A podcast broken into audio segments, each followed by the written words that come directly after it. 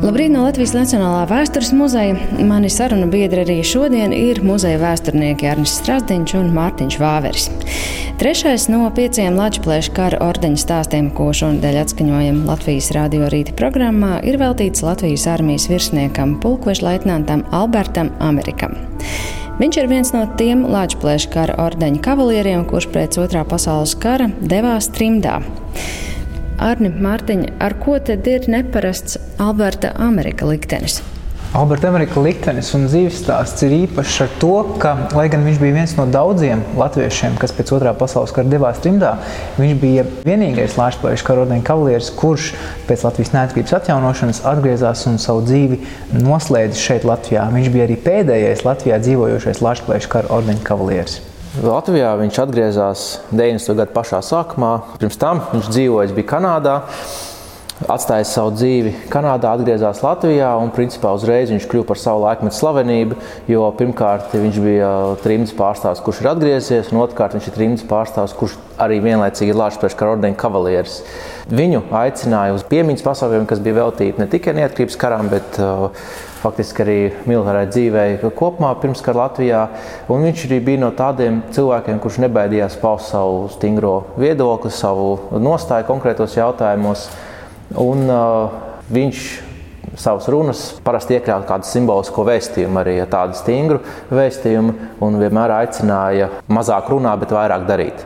Nu, viņš uh, savu Latvijas kara ordeni ieguva par 19. gada 2. aprīļa kauju pie Zušu mājām, kas ir Vaidavas stācijas rajonā, kad uh, viņš uh, izrādīja īpašu drošsirdību, arī nāves briesmas, kuras viņam bija ļoti tuvu, jo viņš tika smagi ievainots galvā. Viņš uh, neatstāja ierindu, turpināja atsist pretinieku uzbrukumu un faktiski paglāba vairākus uh, savus rotas uh, biedrus no nu, briesmīga iznākuma.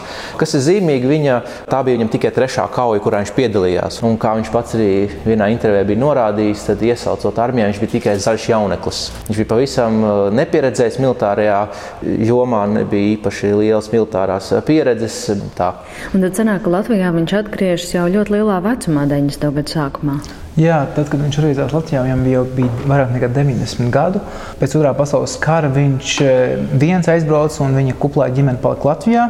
70. gados viņa ģimenei bija iespēja pamest Latviju un doties pie Alberta Ameriku uz Kanādu. Tomēr tas līdz galam netika realizēts.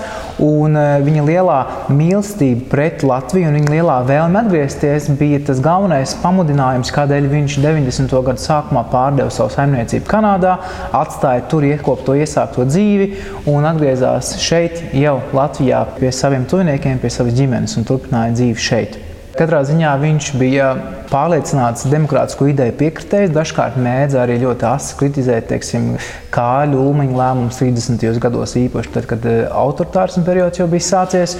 Un eh, Alberts Amerikas ir studējis arī filozofiju un vēsturi, un viņam ir arī tāda, dažkārt viņa rakstos var konstatēt tādu ļoti plašāku eiropeiskāku skatījumu uz daudziem Latvijā notiekošiem procesiem, un ar to viņš varbūt arī izceļas daudz citu uh, lāčplēšu vidū, ka viņš ir tāds uh, ar ļoti tādu patstāvīgu savu interesantu viedokli, ko līdz pat uh, mūža galam bija arī saglabājis, no kura nevairījās un nekad nebaidījās paust, atklāt savas domas, pat ja tās varēja nonākt kaut kādā konflikta situācijā ar kādu citu. Vai jūs esat arī pētījuši, kāda vispār ir bijuši Latvijas kara ordeņa kavalieru likteņi pēc otrā pasaules kara, cik daudz no viņiem aizbrauca? aizbrauc trimdā un kas notika citiem?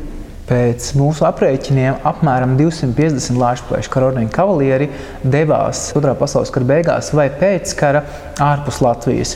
Un tie stāsti, protams, ir ļoti dažādi. Daudz kas ir atkarīgs arī no tā, kāda ir šo kavalieru mītnes zeme. Daudz varbūt palika bēgļu nometnēs Vācijā, daudz atkal varēja no Vācijas doties tālāk uz Lielbritāniju, Austrāliju, Kanādu, Zviedriju.